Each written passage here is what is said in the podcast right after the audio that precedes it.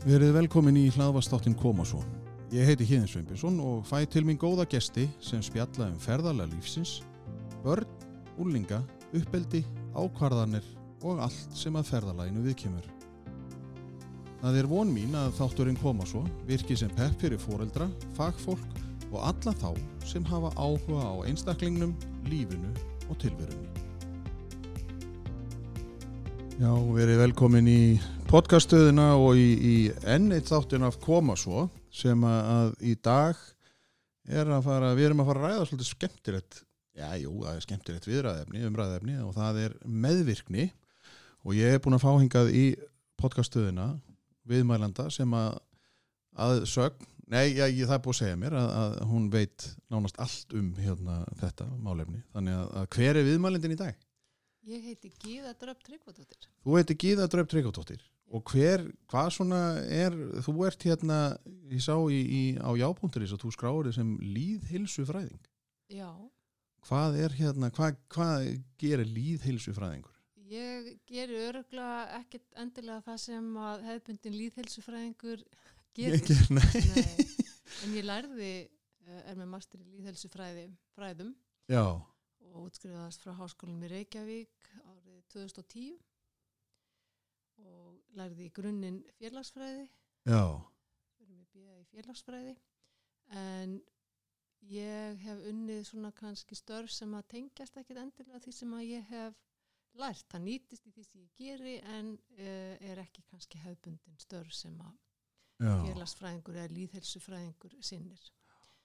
Síðan fór ég uh, 2014 eða 15 þá fór ég að huga að minni meðvirkni og það leiti mig út í nám, frekara nám á því sviði. Þannig að þá tók ég meðvirknifræði áfalla uppbyldisfræði P-Melody og lærði það. Og eftir það hef ég verið að vinna sem ráðgjafi já, og haldi náms, er að halda námskeið. Og líðhelsufræðingurinn í mér hann er uh, skipuleggjandi og sér um að koma fólki saman til þess að, að tala um málefni sem skipta máli. Ég er svona margskipt. Og á því sviði hef ég verið að standa fyrir ásand öðrum ráðstefnum til dæmis núna síðast um ráðstefni sem að heitir hver hugar að þinni hilsu kallinn minn og konagóð og vorum að fókusera í þetta skiptið á streitu streitu og kulnun og þess andlu og hlið og hvað, hvað er það sem að, að, að við ættum kannski að, leiða að, þetta er svona aðeins að fá vita líka því þetta, þetta, þetta er svo spennandi. Ég er nefnilega meðvirkni svona því ég hefur örgulega verið meðvirkur alla mína hunds og katta tíð. Það er svona örlar kannski núna á setni tíð að maður svona er að reyna að, að hætta þessu. Eða ef maður, maður getur hætt þessu. En Gíða, hver, svona, hvað, hvaðan ertu? Eða svo ertu hérna á Reykjavík eða er svona, ég hef nú haft það svona sem reglu að maður svona fær aðeins að heyra svona hvernig var nú skólagangan og svona hvernig var, hva, hvað er svona ól Gíða upp mannin? Ég ólst upp í Kóbói Nú, þú er. Kannski, Eh, ég er ekki Kóbóis búi en ég er fætt í Kóbóinum og bjóð þar fyrst til 18 ára aldurs og svo hef ég annað og komið aftur og flutt aftur og núna býð ég í Reykjavík þú býrði í Reykjavík. Já, En, en varstu gekk, var skólagangað þín þá hér í, í hérna kópúi? já grunnskólinn Grunnskólinni og var, Já. var, hvort varstu nú, á, spyr ég eins og sannur kópúsbúi, hvort varstu í vestur eða austur? austur að sjálfsögðu Nei, ekkert svona, ég var í vestur. það er þessi Ah, að gamli, gamli sko. rígurinn, sko. Þannig að þú hefur verið í, hvað, kópúskóla eða Já, Kóbóskóla og og Víhólaskóla? Já. Og svo, Svo fór ég í MH þú fóst í MH? Já, Var MK ekki komin eða hvernig Jú, var hann var rétt, hann var nýbyrjaður Já. En hvernig var svona, þetta, þú ert þá að bara í, þú ert þetta, þetta er svo gaman nefnilega, svona, hvernig var að alast upp í, það hefur náttúrulega verið að byggja allt í kringum og svona var ekki bara, og það var náttúrulega merða fólki hérna. Þú veist, það var svo stórir árgangar á þessum tíma. Já, uh, þetta var bæði gott og vond og gaman og erfitt eins og lífið er. Já, já, og ég hefði örgulega svarað þessari, spurningu allt öðruvísi hefði verið spurt mér fyrir mörgum árum síðan. Já, því að síðustu ár hef ég náttúrulega verið að kafa miklu meira í grunninn og það er það sem að meðvirkni í raun og veru snýstum já, meðvirkni svona í eins og við þekkjum hann og tölum um hann í daglegu tali er svona meira á yfirborðinu. En þetta er liggur mjög djúft ræturnar liggja mjög djúft og við þurfum að fara þangað til þess að sjá hvað hún byrjar. Hún á sér alltaf rætur í æsku. Já en er, er hérna er hérna sko va, va, varst þú á þessum tíma að því nú maður spyr ekki dömu um aldur en, en varst þú á þessum tíma þegar var skipt í bekki eftir getu eða svona þegar þetta var hérna? Það var tossabekkir og svona. Já, já, já, Þannig að, að, að, að því nú var ég til dæmis að tala við eitt sem að hann saði bara að það var hans lukka í rauninni að hann kunna lesa þegar hann byrjaði já, en vinnur hans enduðu sko í F-bekk eða veist alveg fárálegt sko. já ég var reyndar í Vaffbekk en, en ég kunna að lesa þegar ég byrjaði Já þannig að það hefur ekki verið svona A, B, C, D eða veist það Nei, það var eitthvað- tossabekkur og Já. það vissu allir hvaða bekkur það var. Já, Það er hugsa sér að þetta hafi verið svona, Já, svo leið, sko mann, maður, það hryggir mann bara að heyra, veist, að að þetta er ekki, sko, skóli er ekki fyrir alla, að að lífið er ekki fyrir alla. Nei, og þetta er bara, maður einhvern veginn verður bara að, að, en þetta er sérstakt já, en þannig, já, og þannig að því að ég veit alveg sjálfur að þegar ég náttúrulega elst upp að þá náttúrulega var vesturbærin að byggjast upp og það voru alveg sko skviljón krakkar en eins og það var skemmtilegt og Já, þá var það líka var- erfitt að því að það var bara allir að reyna að feta sig og finna sig og það var mikið frjálsræði. Uh, heldur Já. betur og bara svona hérna, mörkin voru bara kannski mörkin sem maður fann eiginlega sjálfur það var engin að sína beint hvar þau væri þá er ég svona út á við líka úti í móum og, Já, og hérna þú veist, leiðin og það var engin að hjóla með hjálm og eitthvað svona neini, svo bara heyrðum að ég man alltaf þetta var bara einhver ein mamma sem kallaði bara matur og þá bara fór allir heim og einhver sem já, það var svolítið svoleiðis þannig að það var bara, hver var að fyrstur Já. að kalla sko Já, þannig að það, mér fannst skemmtilegt að alast upp í Kóbói. Mm. Erfileikarnir voru kannski meira inn á við Já, og tengdust, kannski, tengdust veikindum og svona sem að inn á heimilinu og fjölskyldum minnst. já, já. En hvað var það skólagönguna þá ég var, held ég, orðin læst þegar ég var fimm ára. Var mjög, byrjað, ég var svo fróðleiksfús og mér langaði svo mikið að læra að lesa. Já, ég man að ég dró pappa með mér ég, það var lítil lítil verslun, hún var í timburhúsi við liðin á krón eða bindamóti já, og, já, og þar fegst gagn og gaman og indisli bók. Og já, og, það var sko bæði hefti A og B eða 1 og 2 og ég dró hann með mér ég lindi ekki látum fyrir en að ég fekk bók til þess að byrja. Og ég byrjaði bara að, að læra með því að spyrja og hvað heitir þessi stafur og hvað er, er þessi? Og þannig ég uh, mér fannst þetta mjög spennandi og mér fannst mjög gaman að byrja í skóla. Og mér gekk vel að læra. Já, þannig að það vantaði ekkert upp á það. Það vantaði heldur ekkert upp á um, hvað ég segja? Var mjög spræk. Já, var, var, var mikið hvernig voru þið með svona íþró eða þú veist félagslíf og svona var, ég var líka spræk þar en ég var líka spræk að þann hátt að ég talaði mikið og ég trublaði og ég var með hérna, mjög upp á tækjasöfum og hvað sagt, ég var eitthvað óþekk og, en það er, ég sé það í dag að það er líka svona kemur út frá aðstæðum og því sem að, að sko enginn kannski sér eh, þegar við mætum í skólan og það já. tekið á hegðun og, og, og hérna svona öðru vísi kannski heldur þegar við horfum á manneskinu við vitum aldrei hvað er á bakvið nei og svo dæmu erum við fljóta að dæma því að það er eitthvað, maður er svona já og eins og þetta kannski kenn ekki og já, og kennarar á þessum tíma kannski voru bara mjög fljótur eða bara ódæll er svona orð sem að, að eða það er eitthvað þessi óþekktar ángi eða já. hvað það var sko. Já það var kannski svona aðeins, voru aðeins aðra leiðir en, en ég, ég var sendið skólastjórans og við kennan sem ég var ekkit alveg gaga í þessu en, en, en það var svona það var, það var líf í þér. Það var líf í mér. Ef já, þannig að það, það, það en það hefur náttúrulega kannski ekki þótt líka að vera svona eh, hefbundið að það væri stúlka með svona læti. Ég veit það eða voru stelpuna líka alveg hérna svona sína já, já, styrk ég- og mátt?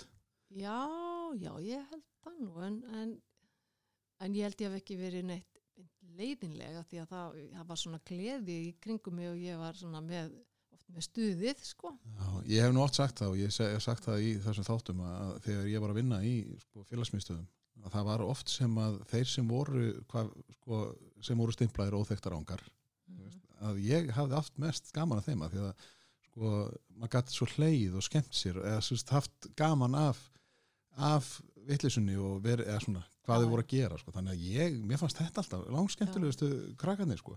Svo var maður að reyna að segja við íþróttakrakkana reyniði nú að gera eitthvað af ykkur Mhm.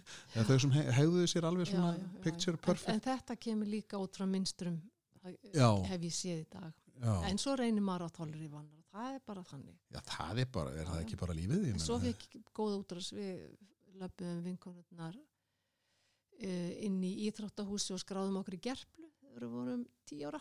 já, þannig að það hefur 11 ára, já. já. hvar var, var gerpla þá í, í, Kópavogsskóla. í Kópóskóla Já, já. Í þessum litla sal. Já, og það, ég mann þegar vorum að æfa stökk þegar fram í sotti að þá byrjum við í búnisherbygginu alveg út að enda. Já, og svo tókum við tilhaupið á hestin og í, hlupum í gegnum búnisklefan og svo þurftum við aðeins að, hérna, að fara í gegnum já, sapna sér saman, svona slá sér saman. og við hljópum þessum hurðin var. Já. og svo áfram og svo mættum við á mót og í aðhlaupi að hestinum að þá var þetta, var þetta svona hlaupi og hlaupi og svo á þessum punkti að þá spínu stopp og svo heldum við áfram. Já, þannig að það hefur þeir talandi um áhrif. atverðlis hérna, ég veist að þetta er svo gaman að svona sögum að því að þú veist, í dag, þetta er eins og með, með vallagerisvöll sko, þegar það var sko, fótboltinn og, og þetta. Já, að, þú veist, í dag, þetta er bara fráleitt að þurfa að fara að spila fótbolt á möl. Já, já, og þetta er bara eins og maður sé já. maður tók nú ófæða dífurnar og, og sárin af þeim velli En við vorum þar og síðan í, það var uh, KFUM og K-hús, mann ekki hvað heiðin hétt upp á Jú, segði, já, já, já, fyrir já. Og við æfðum líka þar og síðan á sunnudagsmotnum í kennaraháskólanum. Þá reyndar voru við svo snemma stræt og var ekki byrjað að ganga þannig að það þurfti alltaf einhver að fá einhver að skutla. Svo gáttu við tekið stræt og heim já, með viðkomu í litli sjoppunni þannig í eitthvað herjólfur eða eitthvað. var það ekki upp á, hálsi eða Nei, þetta var háteks, já, já, já, já, já, já, já, þar, já, já, já, já, já, já, keiftum karamellu svona sleikjó, já. rauðan brjósikur árum við á leiðinni stræt og heim. Æ, hvað þetta hefur, þetta er, þetta er svona, þetta er indisli minning, Já, já. gaman að þessu. Já, Þannig að-. Já, þannig að lífið og tilvæðan, þú bara heldur áfram og, og, og það er bara svona, og helst áfram að vera svona hress í, í víhól Já, já. og varstu alveg þar líka tíður gestur, ekki tíður eða það nokkuð, heimsóttur skólastjóran?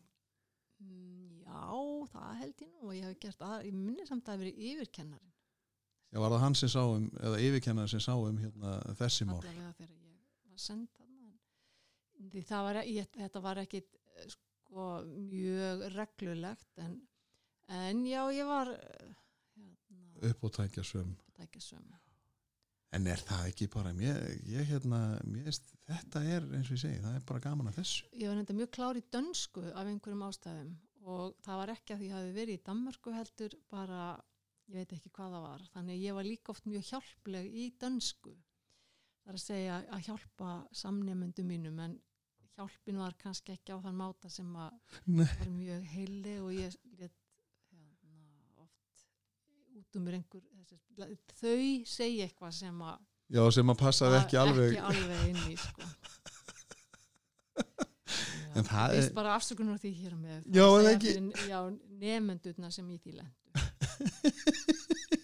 Mér, það er nú gaman að því að því að það, maður gerði nú ímislegt svona ef maður vissi eitthvað kannski svona orð og orð sem maður var kannski ekki alveg 100% rétt Mhm. eða svona sem að maður sagði ekki þannig að þetta, þú hefur verið óviðeigandi eins Já. og það segir. En þú hefur verið skemmtu, ég held að maður hefði nú örgulega hlegið að þér eða svona verið með þér í, í þessari villisu því maður, maður var nú alltaf tilbúin í eitthvað svona bull sko. Já, þetta var nú bara svolítið lengi fram eftir. Ég var svona í þessu, maður getur sagt þessi trúðs hlutverk að, að fá fólk til þess að hlæja og taka aðtiklinn á þennan hátt en já. ég get ekki sagt að mér er alltaf liðið þannig Nei, ég, hérna, ég heyri það að- við höfum verið í svipuðum að því. Ég var líka svona trúður þegar ég var að alast upp eða semst í, í skóla og svona en, en alltaf, gekk alltaf ágætli í skóla og svona þannig að maður hefur, við hefum kannski eitthvað samilegt við komum okkur inn á Örugglega. það. Þannig að svo bara klára þú hérna Víhól og þá ferð þú í MH sem Já. að er, hann hefur þá bara verið já, hann hefur ekki verið gamall skóli sem slíkur eða? Það Nei, ég byrja 1980 í MH Jú, hann var nú alveg, Já, þá var hann alltaf búin að vera í Já, einhver ár sko, já, já, já, hann búin að vera í einhver ár. Og va, va, átti það vel við því að vera í þessu kerfi því þeir eru ekki með, þeir voru nú ekki með bekkjakerfi og svona, þannig að náður að sko, að því það er nú margi sem bara röklast að hann út aftur að því þeir bara þóla ekki við, að því þeir eru ekki bekkjakerfi. Já, ég get sagt kannski já og nei. Það hendaði mér vel að, að hafa ákveði frjálsræði en það var stundum of mikið. Já, já, já maður heyrir enda það líka á þeim sem er í Já. MH að þetta Já. er ákveðið svona, þú þarft að vera virkilega á tánum sko. Já, ég get ekki sagt að ég hafi verið á tannum nema bara í varandi fimmleikana, kannski meira en, en uh, sko mér fannst skemmtilegast að að sitja hérna, í miðrýminu og spila kanna eða kjafta og svona Já, en mér sóttist kannski að því að ég hef ekkit, átti ekki erfitt með að læra. Ég komst upp með það í töluverðan tíma en svo kom að því að maður þú veist, já, Já, ég bara kom að ég fjall í mætingu. Já. Og þá var ég kölluð inn á teppið, já, til námsrákja og saði bara hérna kannski bara betra fyrir því að fara að vinna og kannski bara átti ekki að vera að þessu. Og, og þá kom náttúrulega keppniskapið upp. Já, og það bara breytti því það var mjög góð, gott samtal þetta breytti mjög miklu fyrir mig ég bara tók mig saman í andlitinu fikk A í mætingu og einhvernundar fór alveg já þegar þú fórst að sinna kipp, já, sko. já, er Já, það já. ekki bara aftur, líka er það ekki bara þegar maður er 16 ég minna, er maður ekki bara þú ég var hendur átján en allt í lagi með það nú varst orðin átján þá Þetta- þegar það já, var, þetta tók sinn tók, tók tíma. já. já, já. En mér veist, það er svona því að maður er ofta að ræða núna mentaskólan í dag versus þegar við vorum þá yngri Já. sko, að, að það er svona vantar einhvern veginn er, það er ekkert svigrum fyrir þetta astna ár þar sem maður svona það lætur allt Já, þetta meina eftir styttinguna já, mér veist krakkarnir eins og að þau eru svona bara, þetta gengur einhvern veginn allt bara klára, klára, klára. Að, að svona vantar þetta nú er ég búin að tala við marga og maður Já. ræður um mentaskóla árin að það eru svona margi sem eiga þetta ár, eina ár sem er svona einhvern veginn dífan það sem að er allt bara svona æ, maður bara skóla leiði kannski Já, já, ég, það var þreyta. margt annað sem að var í gangi og margt sem að mik mér fannst miklu skemmtilegra Já, já, og ég var flutta það. heimann og, Já. og Þannig að ég og sá annað. bara svolítið um mig sjálf og, og var hérna þeim tíma bara með mínum kærasta og já, þannig að ég einhvern veginn, já, var bara mínum eigin vegum, já kendi svo fimmleika, já, og þú Með- hefur verið komin í það að, að kenna bara ung já, krökkunan já, þegar ég var í mentaskóla. Já, ekki var rússin þá var, ekki gerpla alltaf með, þeir voru með útlenska þjálfara, var það ekki? Jú, Hvernig, var Jú, það með rúst- já. Já. Ég var með rústenskan þjálfara meðal annars.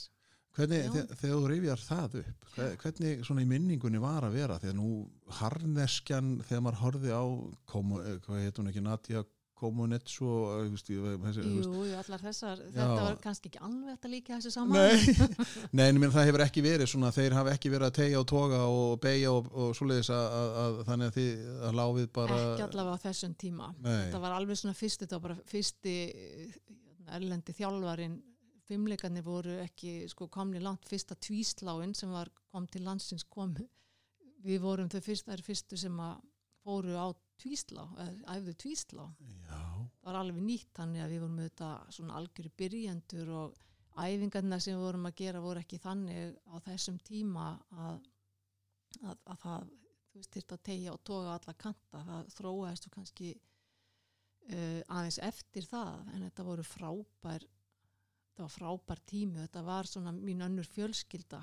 Já, og við vorum ég var þarna 5 daga 5-6 daga vikunar í marga klukkutíma þess að við vorum að æfa já, og þetta var hérna, góðu tími. já, alveg frábær tími Já, já það er oft sem að maður finnur eitthvað svona og áhuga. líka m, þá á þessum árum þá var ekki svona uh, skýrt þú veist, bara í keppnisfimleikum eða hérna, bara í þessu heldur var mikið um voru mikið að sína öllum desembersýningum og vorsýningum og við fórum í utanlandsferðir og syndum í Danmörku og keftum í Noregi og þannig að líka það var líka ótrúlega skemmtilegt. Já, já, þannig að þetta hefur ekki bara verið fókus á einhverja keppni, þetta var meira svona, já, að vera í eins og kannski, það er svo gaman að sjá sko, hérna keppnina þar sem eins og Gerpla vann, hérna Evropamistramótið eða, eða Norðurlandamótið og, og nú er stjarnan í þessu, það er svo gaman að sjá sko hóp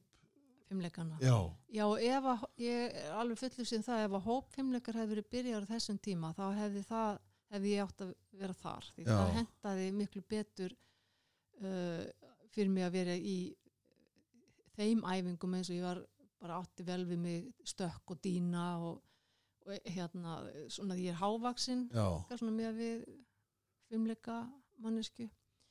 Þannig að það hefði hentað mér miklu betur.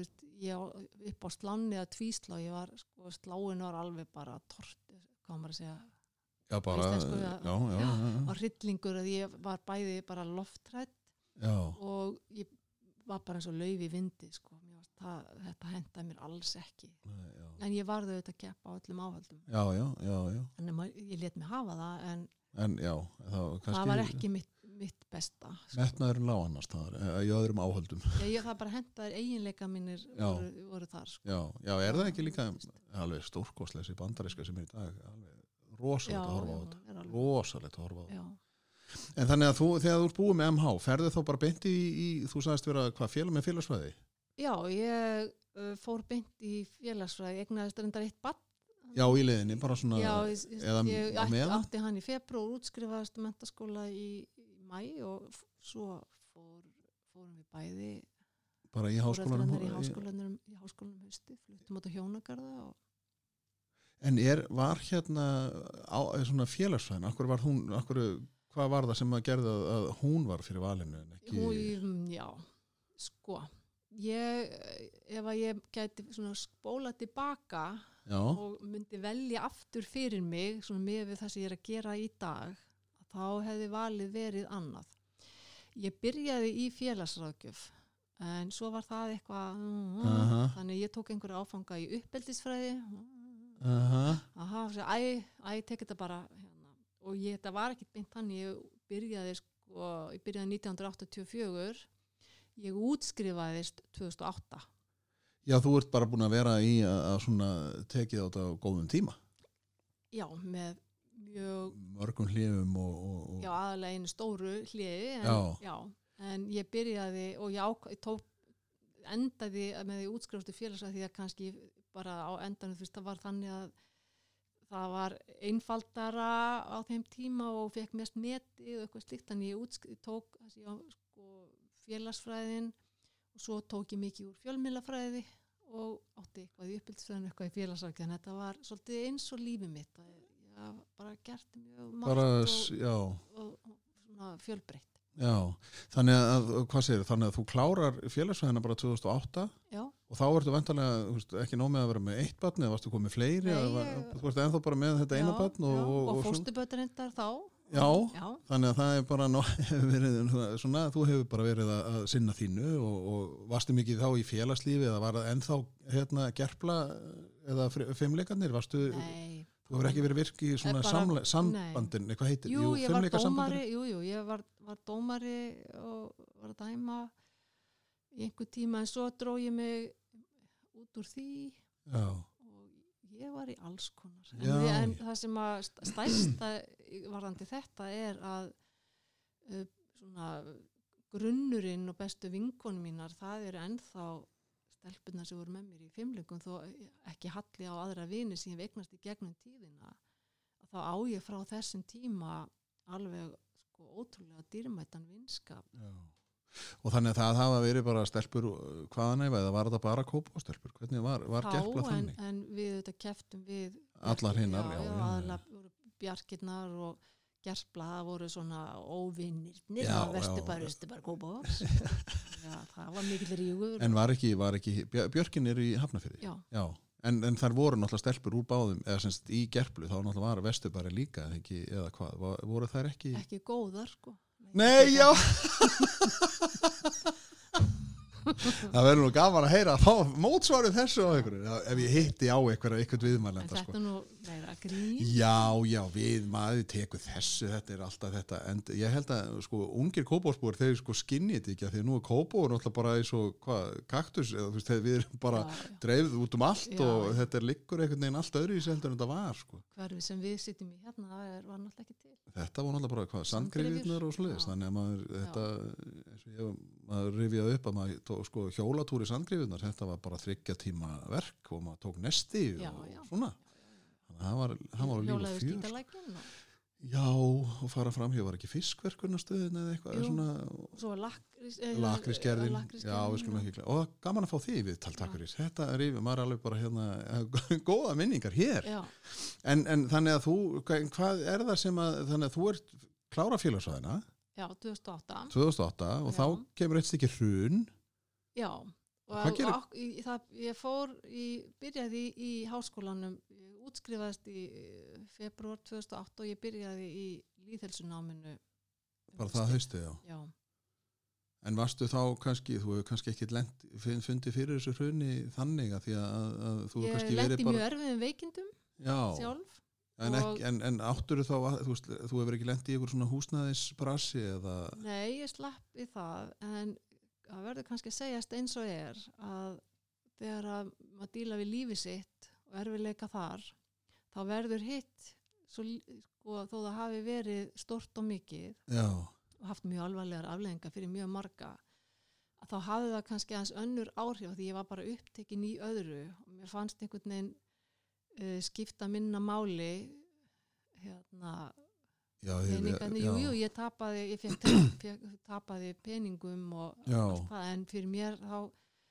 hef ég einhvern veginn aldrei hugsað beint út í það að ég bara fekk að vera á lífi já, þannig að það var einhvern veginn svona meira, starra og meira. Já, en hvað, ma, eh, þú veist, má maður spyrja, þú veist, hefur löngun til að segja, þú veist, lendur í, þú veist, Nei, ég fekk krabba minn. Já, það var náttúrulega af alveg ég ætlaði að fara að segja, þú veist, það er fyrsta sem ég dætt í hug, þú veist, fegstu krabba minn, Já. og, og, en já, ok, þannig að þú lifðir það af, að því Já. þú annars sætur ekki. Annars sætti ég ekki Ég ætla hér. að fara að spyrja ykkur gálega, veist, stundum maður svo klár, sko, þegar að, veist, heilin á maður er eitthvað svona bara erfitt fyndin, þegar sko. einhver segir vegna að það getur svona, veit ekki alltaf hvernig á að bregðast við þegar einhver segir svona þannig Já, að ég held að það sé líka að það verður svona ákveðin maður getur orðið svona hálfvandræðilegur að hvað maður að segja já, segir svona. En þú, ég það nú þú ert nú á lífi, þannig það var svona, og það er komin svona, kannski eh, langur tími, en ég meina, var, varstu lengi að glíma við, þú veist, var þetta, þú veist, fimm ár, tí, eða, veist, það Nei, nei, þetta tók uh, sko, meðferðin sjálf, ég, þetta var, var þannig, ég útskrifaði, ég greindist,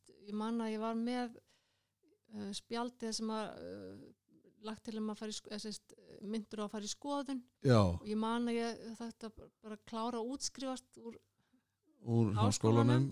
og svo man ég alveg eftir þessu, ég fór svo og ég, það, ég greinist eftir, bara stuttu eftir það.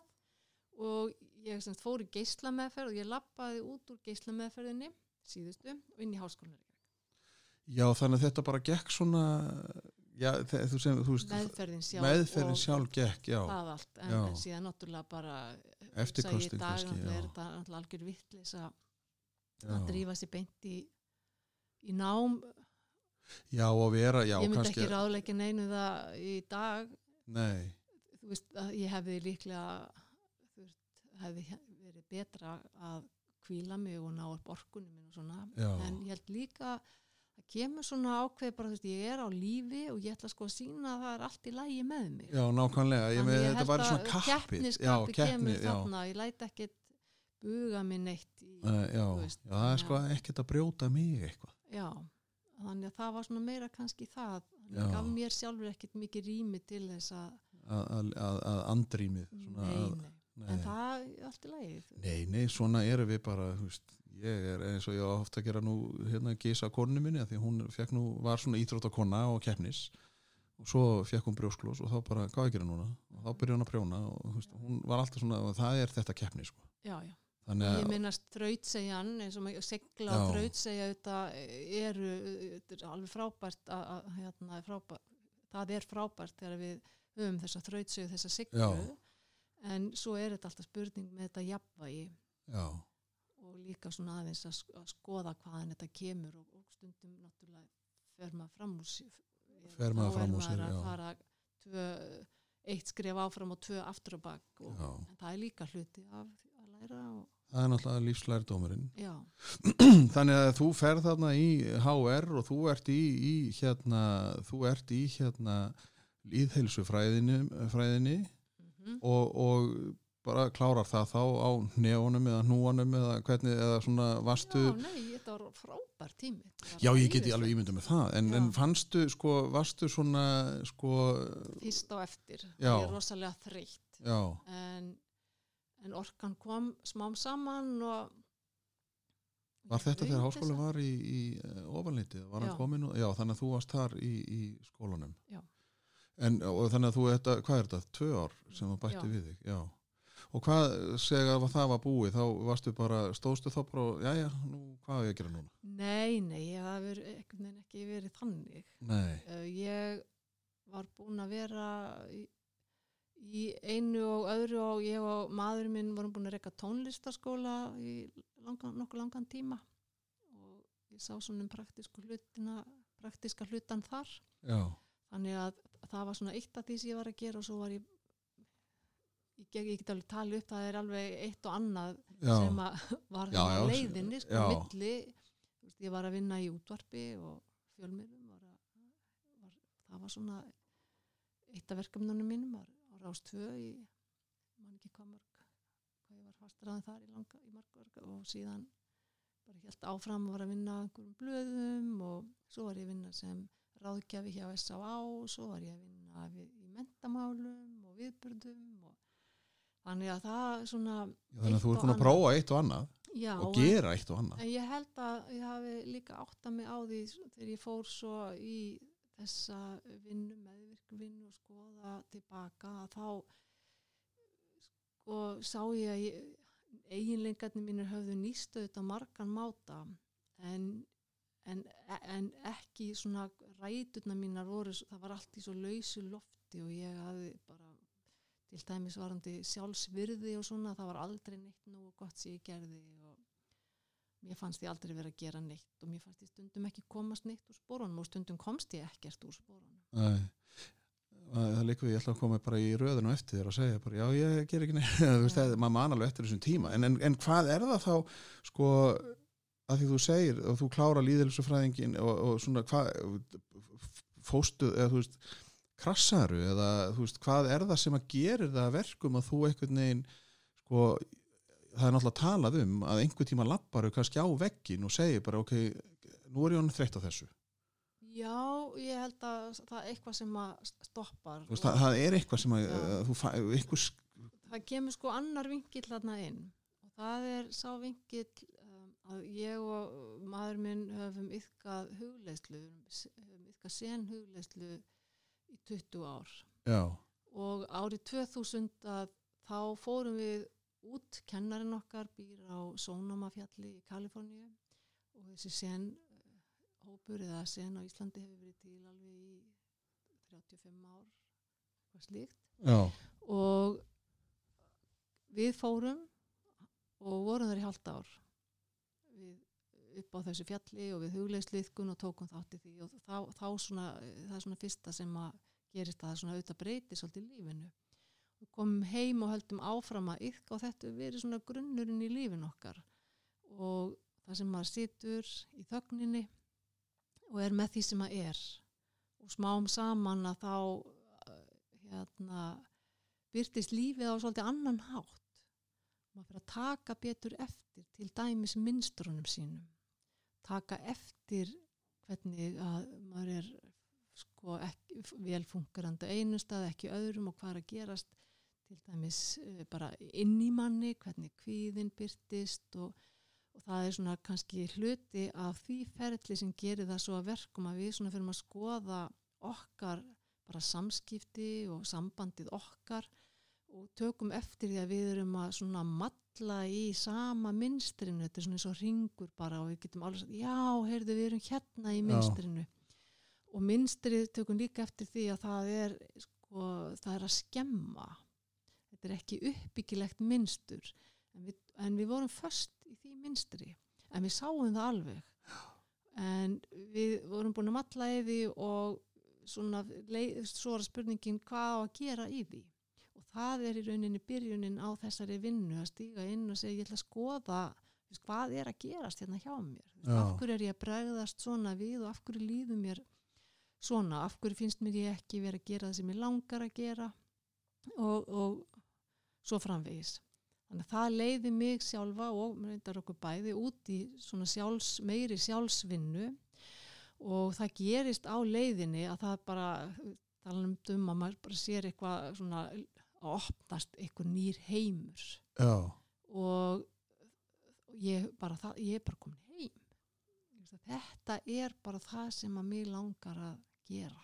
Já, já, þá fannstu bara veginn, já, svona kom þessi ástríða. Já, og, og já sem ég- kannski þið vantaði í lífið áður. Mér vantaði sko ekki ástríðuna fyrir því sem ég gerði en ég bara, ég var þannig að ég fór í einhver verkefni og ég hljópa stað og ég gerði eitthvað en síðan einhvern veginn gati ekki verið ég af því ef ég til dæmis eitthvað að stíga mikið fram eða leifa mér og leifa öðrum að sjá hver ég var og gæta svona upplifa bara að hérna, ég er bara nóg eins og ég er Mm að það var, það var ekki þannig.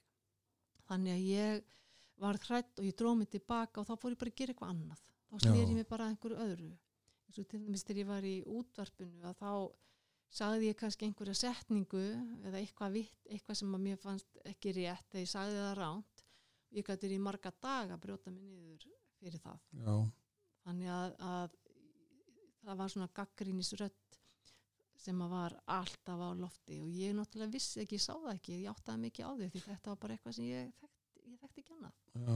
En nú segir að, að, að, að þú hafur uppkveða sko senn og það sita í þögninni að, að svona, sko, ef að, ef að ég er að reikna út það að, ef að þú varst trúður þegar þú varst yngri og, og ég var trúður, þú veist, þá svona er orsök afleiðing að mögulega erum við bæði frá hérna, alkoholista heimilum svona, ég, mögulega, sko. mögulega, já já, já, allavega ég já og ég líka eð, veist, og þá, það sem ég hef átt verst með það er að sita einn í þögn því að ég veginn ég hef alltaf þurft að vera með útarpið á Já, það, það er kannski það ennþá lengra þig? mál vegna þess að það tengist líka svona bara viðbröðum við því sem situr í kerfin okkar og það getur verið, það getur bara verið mjög erfitt fyrir fólk sem er búið að gangi gegnum eitt og annað og ekki búið að vinna með það já, þá getur það verið bara eh, mjög erfitt og stundum bara ekki ákjósanlegt. nei, Það þarf allavega að fara varlega í það. já, En ég vissi ekkert um það og það var þannig þegar ég mætti þannig upp á fjall.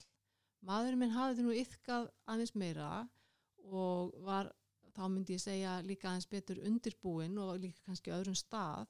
Ég var náttúrulega bara, mjög fannst þetta æðislega spennandi að drífa mig bara þarna í sex mánuði og vera mætt klukkan 5, 15 í hugleisla mótnana og bara á þennan stað þar sem að allt er tóna niður og þögnin er yfir gnæfandi já, og þetta var alveg ótrúlega erfitt oft á tíðum og ég mætti stundum inn í hugleislu salin, settist niður og ég var farið þaðan út. Við sátum í hvað, 35 mínútur, 35 mínútur.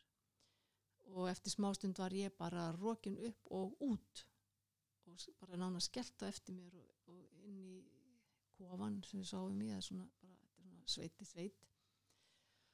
Og í bara mikill vanlíðan og kvíða og ég vissi ekki þá hvað var að gerast. Ég veit að miklu betur í dag hvernig ég var að bregðast við. En gjöfin á þessum stað var að ég var með kennara sem að uh, var alltaf til staðar og ég auðvitað átti svo samtölu með honum þar sem hann hjálpaði mér í gegnum, gegnum þess að hvað maður að segja, þess að hjalla. Já, með sínum skilningi og, og, og bara því sem hann kann. Já, en, og, og það var hann var þá eins og minn sálfræðingur má segja. Já, þannig að þannig hjálpaði það mér og ég gæti svo haldið áfram og, og ég hef farið, farið ótaloft á þennan stað og verið aft, áttum svo annað hálft ár þar 12 árum síðar og, og þannig að þessi yðkun hefur verið mjög sterk, hún hefur ekki verið átakalös og ekki einföld þetta, þetta er ekki einföld leið en hún er ótrúlega djúb og, og ótrúlega mikið sem að í henni er. Já, og, og hérna en það er, það er svona bara, mað, það er auðvitað heilmikið oft átak. Mér langar ekkit alltaf í að fara á mótnana og setjast og við erum með opið svo, sem við erum núna sex daga vikunar og svo misjant svona hvernig hver og einn yðkar og hvernig hópurinn yðkar saman en ég get ekki sagt að og ég, mér langi alltaf þegar ég fer að fara. En þetta verður líka þannig að yfkunin snýst ekki bara um mig og mína velferð. Heldur er þetta þannig að við, ég er líka að sitja fyrir alla aðra. Já, að, að það er svona það sem að lífið að lífið fer meira að snúast um að ég er ekki bara hér til þess að að hérna, gera eitthvað gott bara fyrir mig. Heldur bara allt sem að kemur fyrir mig kemur fyrir allan heiminn við erum, þetta er allt já, þetta er allt Samtengt. samtengt, já. já, En, en, en er þá, þá hérna sko, meða við þá aldra fyrir störf og allt það sem þú ert búin að gera áður þú ferði í þetta Hver, átti, hvernig var til dæmis uh, þegar að, að þú kemst uh, á þessi ár þar sem að maður kannski byrjar að drekka sjálfur, meina, hvernig höndlaður það, veist, var það vandamál eða veist, já þannig að þú tókst þann pakka líka Já, kannski í, í leiðinni. já, já, já, ég, ég tók hann með svona með. Já, nei, það það er það af bara því sem það. gerði náttúrulega mér erfitt fyrir og hafði mikil áhrif á lífið mitt að, að það var stjórnleysi í því. Ég alltaf verið mikið fyrir að hafa mikla stjórn stjórnleysi á afar illa við mig. Og það er á við marga sem alast upp í alkohól minstri að við erum að reyna að hafa stjórn einhverju sem er fyrir utan okkur. Við erum að reyna að hafa stjórn á, á, á öðrum og, og líðan okkar er snýst alltaf um hvað aðrir er að gera. Já, og það er akkurat það öfugt sem að við gerum í meðvirkninu að byrja ég að skoða mína líðan og hvað ég get gert og hvernig ég get losa át um mínu kerfi eitthvað sem að tilheyrir mér ekki. Þannig að ég get haft uh, stjórn á minni líðan og sett mörg akkvart öðrum og allt það og lært það sem ég lærði e- sem ég var ekki kent og sem ég, í hvað maður segir óheilbriðu fjölskyldu minstri að þá þá eru línutna svo óskýrar og það er svo mikil skekkja. Já, þannig að við, við erum í meðvirkni segjum við það að þetta eru, við erum vannær við fáum ekki þá næringu sem við þurfum til að alast upp á heilbyrðan hátt. Og við komum við vannærð út í lífið og sumileiti erum við ákvæmlega barnalega það er vegna þess að þeir hlutar hafi ekki fengið að þroskast. Og þegar við svo erum að bregðast við að þá erum við að eh, bregðast við eins og kannski 5 ára eða 10 ára.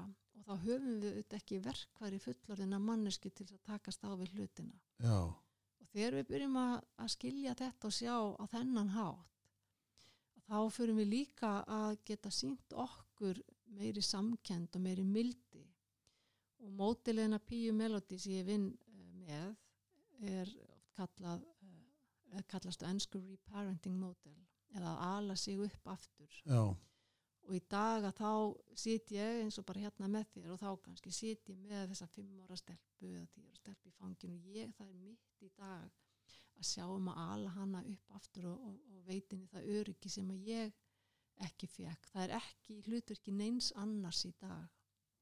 Ég sem fullorðin manneskja er algjörlega ábyrg fyrir mér.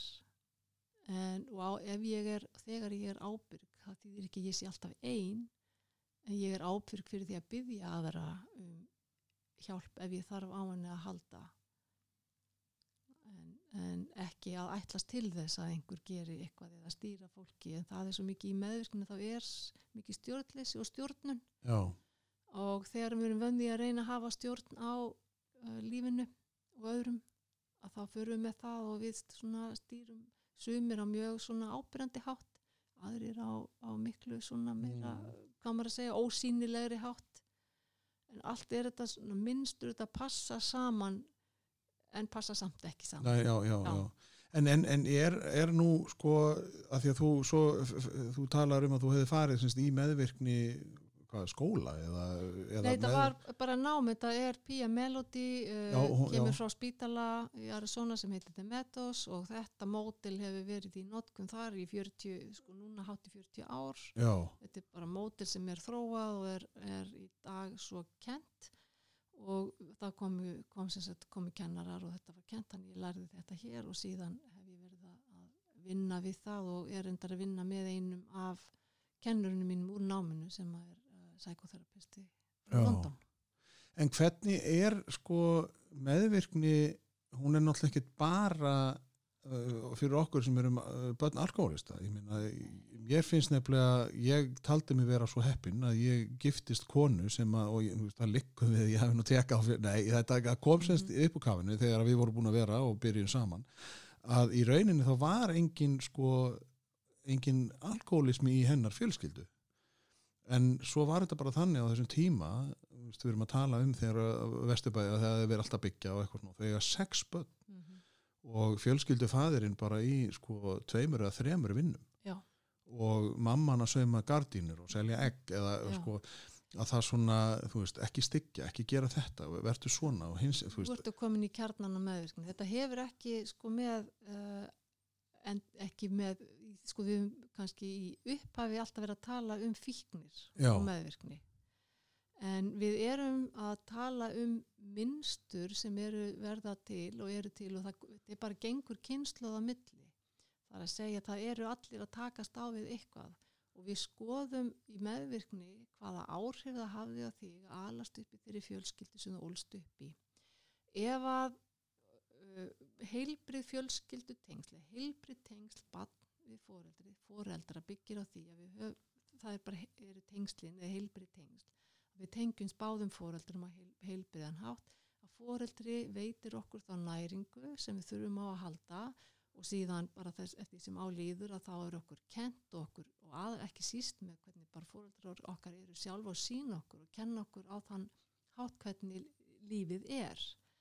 En í óheilbriðu minstri það er til dæmis talið eðlilegt að taldist það á Íslandi veist, annar aðilinn er bara ekki til staðra því að hann er að vinna.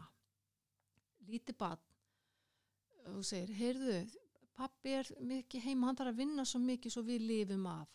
Já, innmitt, segir barnið eða ekki. Já, við getum ekkert skilið það allt lífi snýst um okkur við skiljum allt út frá okkur það, það verður, hefur með okkur að gera ef að pappi er ekki heima hann er ekki til staðar, hann er fjarlægur þá fæ ég ekki þá næringu sem ég þarf frá honum. Mm, alveg sama af hvaða, á, af hvaða ástæði það er. Og það er mjög mikilvægt að við erum að skoða meðvirkni að við erum, það snýst ekki um að dæma eða koma sök á einhvern og, og hérna, vinna það út frá því heldur að skoða sjálfur hvaða áhrif þetta hefur haft á mig og hvað ég tók með mér sem að ég á ekki.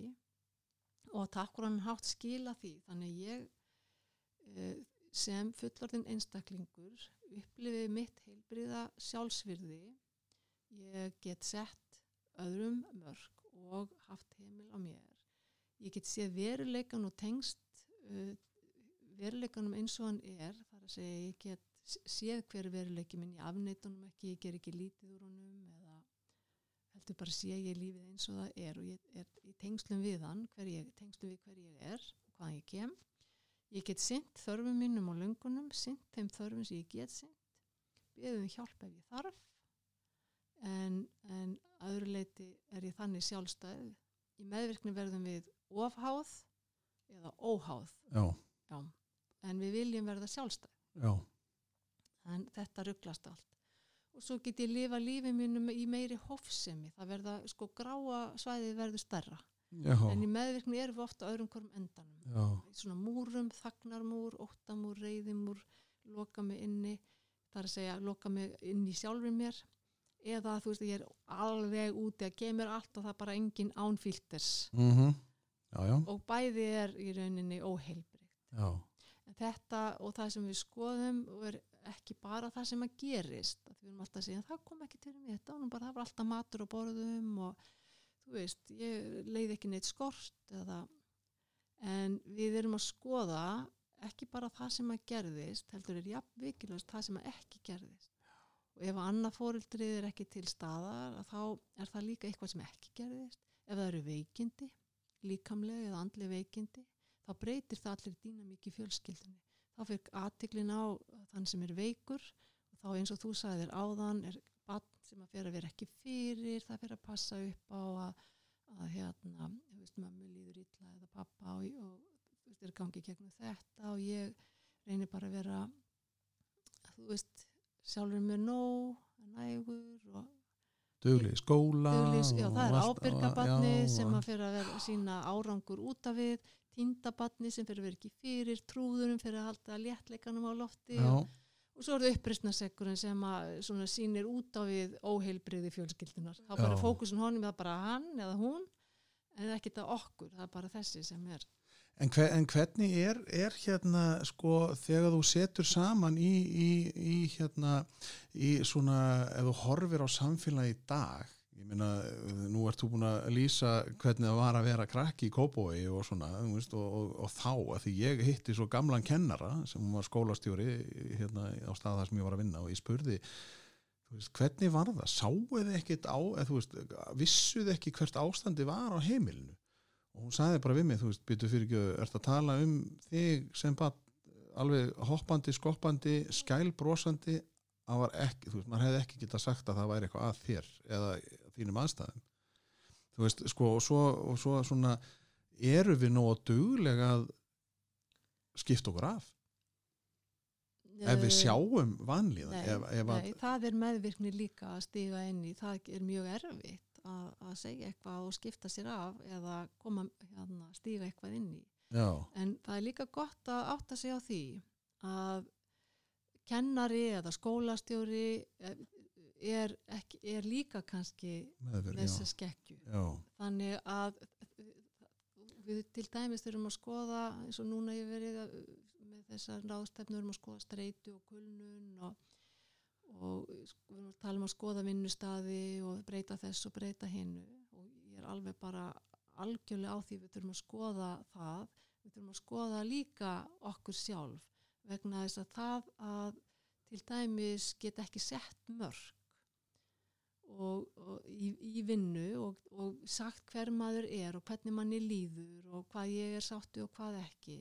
Það er hluti af okkar markakerfi og þess vegna er mjög mikilvægt að við, tök, að við förum þá leið líka og skoðum hvaðan við komum og, og hvar byrja þetta. Hvar byrjar, já ég er með svo mikla fullkomnar því þarf alltaf að gera hérna allt 100% og svo er líka fólk sem lendir í, í því að, að grassa eða fyrir kulnun og vill auðvitað standa sér fullkomlega í því þá er minnstur sem eru virt þar. Þá segi ég, hvar byrjaði þetta minnstur? Vaknaði, vaknaði ég bara einn daginn með fullkomnun áráttu og það er bara allt bara ég? Já. Þetta er alveg þetta er alveg óbúslega skemmtilegt að, að hugsa um þetta því þetta er svona ekki það að, að það er nú kannski síðustu tíu árin sem að vera svona uppkvöld að maður er þarna sko. En, en, en hvernig sko sérðu fyrir þér að því að eins og, eins og, eins og í dag að því að, að maður er að vinna með fólki og svona að, að þegar að sko aðrir er að setja manni mörg fyrir aðra sko maður er komið kannski tón og, og svo segir maður eitthvað sem að maður er kannski vanur að segja í einhverjum hópi og þá verður viðkomandi einhver verður móðgæður og maður er akkur þú móðgæður, ég er ekki að tala um þig. Nei ég er bara móðgæður fyrir hönd þess að hóp sem varst að móðgæ og maður er alveg svona uh, ha, byrju, hvar, hvar, þú veist að þá er sko þá er maður alveg hættur að skilja sko umhverfi sem maður er í. Þú veist, er, er Já. þetta sko hvar er við, hvar, sko, hvar er þjóðfélag? Erum við að sko erum við að rétta af eitthvað?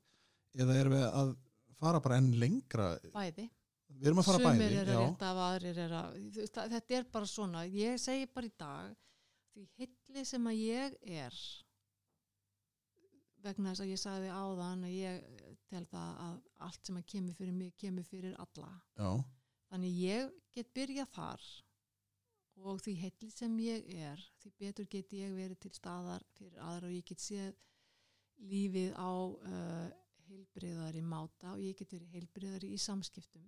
Ekki 100% og ég meni ég er ekki við erum fullkomlega ófullkomin já, já, en leiðu ég sé það og ég vinn með það og ég get tekið á því þá get ég þá breytist allt. Og ef að talandum svona samræður sem eiga sér stað og ef að ég, ef að mörkin mín eru, ef ég veit hvar línan mín er og ef ég veit virði mitt og ég veit að ég er jafn mikils virði og aðrir og ég upplifi það og það sem einhver segir hitti mikið þannig að virði fellur þá get ég líka bara sagt, herri, ég skil ekki alveg hvað átt við, hvað, hvað meinar ég, hérna, getur útskýrt þetta fyrir mér? Já, en venjulega er þetta svona eins og maður segir trigger, það er ítt á einhver takka og allt fyrir að stað inn í mér og skekkjan verður til þar. Skekk, það hittir mig ekki fyrir að því að kerfi mitt er í lægi þá get ég hreinlega einmitt bara sagt hérna hvað var það sem ég sagði sem að hérna, móðgaði getur útskýrt fyrir mér. Þannig að manneskjan í staðin fyrir að einhver kemur og skellir einhverju já, svo við gerum þeir okkur, við vitum ekki alveg þá heitir það svona blaming shaming. Já, já, já, já, já, já, að þá getum við lagað þessa skekkju já, bara oft með því að vera sjálf svolítið eh, meðvituð og vita hver mörkin og geta sett og geta svona já, séð þetta á heilbriðari máta að þá í rauninni hjálpum við líka öðrum að þá getum við minnst átti sett þeim mörk. Þá getum við stoppað það þar. Og þá þarf viðkomandi að taka ábyrð á sínu kerfi, ég segi kerfi það til dæmis þegar við bregðumst við í reyði þá er reyðin, hún er í þeim sem er að bregðast við reyður já, þannig ég á þá reyðina þá ég get sagt þú, af því að þú gerir þetta varð ég svo reyð ég á reyðina og ég þarf að skoða að því hún er inn í mér hvaðan hún kemur, það gæti alveg verið einhver að hafa sagt eitthvað sem er ósangjant og óviðeigandi en reyðin er mín og þegar ég get skoðað hann og ég get orðið þess að ég segi það heitir að fara í þegar reyðin byrtist svona fer ég í aftur hvar ég verði ekki hægt að vera á þeim aldri sem ég er og þá tek ég þessa stelpi fangi sér ég skal sjá um þetta. Já, ég er fullorðnast og þá get ég séð þetta í öðru ljósi og þá get ég sagt hérna, þá, þá dempast reyðin, ég, ég tek ábyrða henni en þá get ég sett mörkin sagt, þetta, mér fannst þetta mjög óviðigandi sem að þú gerðir eða sagðir. Og, en ég segi það alltaf út frá mér. Já.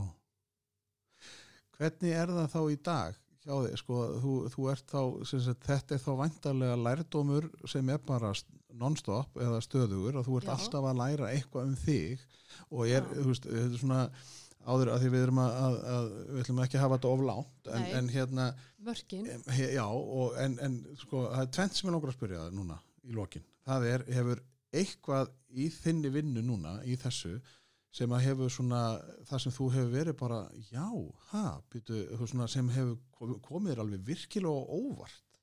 Endalust það er það bara endalaust, er það bara alltaf Já. ef þú opnar eitthvað kassa þá bara kassin já, opnast þegar að, það er sagt þegar að, að nefandin er tilbúin þá byrtist kennarin. Og það er sama með okkur að, að ef að þú ert sko, ef við heyrum ekki þá er alveg sama hvað ég öskra hátt. Opninu verður að vera til staðar í mér til þess að heyra já, og vera móttækileg. Þannig að kerfið okkar á meðan ef, ef ég er með varnirna mínar og þá er það bara líka þannig þá er ég ekki tilbúin til að opna. En ef að opnunin kemur þá get ég skilið, þá get ég séð þannig að þetta gerist meira svona í staðan fyrir að við sem alltaf reyna að tróða einhverju inn og þetta er að gerist ekki bara með rökhugsun. Við að tengjast hjartan okkar. Já. Og þá er að síðastu að endingu það er svona hérna að því að þú varst nú með fyrirlestur og það var það sem ég svona heyri um þig fyrst Já. sko að konan segir að þú sérst alveg frábær. Já, að, okay. að, að það var hérna í salnum en þá svo það fer ég að leita að þér og þá kemur upp sem sagt að nú verður að, að ég ætla að reyna Vá, ég, var, ég var alveg bara, ó, ég ætla að vona að muni, muni þetta rétt sko. hárétt já. en, en hérna, og hvað er það þá sko, að því að nú kannski situr einhver hann úti sem er að hlusta Mhm. og er alveg bara, það er eitthvað sem við höfum sagt og Já. rætt sem að, að hittir og, Mhm. og opnar kassa fyrir að gera eitthvað Já. hvernig sko lesefni eða er betra að koma til þín á námskeið, er það heillheimur.is og, og eða mæluru með að maður kannski tekur eina bók? Að því nú er hún Melody, hún er, ég er búin að lesa hana, það var nú einhverja bækur sem voru gefnar út hérna á íslensku. Hún er, ég mæli alltaf með ég bara mæli með þeirri bók. Já, eitt, sko að lesa er alveg frábært. Já, en ég get sagt sem svo að ef við ætlum að vinna með einhverja hluti við getum farið margar, við getum farið ímsa leiðir, þetta er vinna sem tekur tíma og við getum lesið matsiðilinn og hérna, það kemur alveg vatn í munnin og svona. En svo kemur að því að við þurfum að panta okkur matin og, og borðan þannig eitt er að, að það sem maður les og maður tekur inn þann skilning. En við vitum ekki hvernig epli bræðast fyrir við tökum bít af því. Já skýrir þetta eitthvað ég bara, já, já, já, já, Já. og það er bara ég, það er eiginlega þannig en hvaða leið og hvað fólk hvort á að koma og panta sér tíma eða fara á námskeið það er mjög personubundi já, en ég segi bara að það er alltaf næsta skref og stundum tökum við eitthvað skref og það, og það leiðir okkur í þann, svo kemur næsta skref, Já. það leiðir okkur áfram, það kemur eitthvað annað í staðin, þannig að reyfingin í sjálfur sér er það sem skiptir máli. En er ekki líka svo nummer 1, 2 og 3 að ekki gefast upp? Þú átt eftir að lenda í einhverju sem að þú kannski vilt ekki skoða en, en það er bara, Máli er að það er það. hvort, það gerum við hvort sem við stígum skrefin eða ekki. já, vegna þetta, ef þetta er innræð með okkur, þá eru erfileikarnir til staðar nú þegar. Það, þegar byrtast er bara á einhvern hátt í samskiptum okkar og samböndum og í, í kvíða og vannlíðan. Þetta er ekkit auðveld, vinna lífið er ekkit auðveld, það var enginn sem að sagði að það ætti að vera það næ, en, og það er ekkit auðvelt að horfa á lífið sitt oft eins og það er eða horfast í augu við það sem er erfitt. En ég segi oft að þessi vinna er líka um, hún tekur tíma og við erum ekki að gera hana þannig að við bara tökum bara ristu og bara opnum allt upp og gá með mýkt og mildi er það sem skiptir máli og vera opinn fyrir að vita ekki er þetta ekki bara að borða ekki fílinn í einu bita heldur maður borðar hann í mörgum litlum bitum? Já, sérstaklega mann langar í fíl. Já. En þetta er búið að vera rosalega skemmtilegt að tala við þig Já, þetta er, hérna, þetta er náttúrulega efni sem að ég held að ná, ég held bara að segja að allir eru með. Það meðvirkni er eitthvað í okkur öllum. Það er allavega alveg bara hérna bara svona kannski þetta segja hvetja bara fólk til að vera opið fyrir því að skoða. Nú ef ekki þá er það líka bara það allt í Já, já, þá ertu bara á þeim stað. Já, já. en þannig að það er heill heimur.is og svo kannski fæ ég eitthvað svona, þú kannski stingur að mér einhverjum hérna svona bókatitlum á ensku, íslensku já og- meðvirkni, orsakir einkenni afleðingar Pia Melody Já, það er, hún er náttúrulega, hún er það er ekki hérna, mikið til á íslensku annað en það eru aðri titlar Growing Yourself Back Up er líka frábær bók eftir John Lee. Já, en hvenær kemur þá bókinu frá henni gíðu? já, það hún er á leiðin, ekki sagt. Já, er ég bara að spyrja? Já, það var laglegt. En veistu það, ég ætla bara að þakka þér kærlega fyrir af því að þú, við, hérna mörkin sko, við töluðum um að þetta er klukkutími en nú er það komið, bara á takk, takk frábælega fyrir að koma og, og hérna mig. gangi þér vel í, í áframhaldandi vinnu. Takk. Að, Sömuleiðis. já, takk sömuleiðis, takk fyrir þetta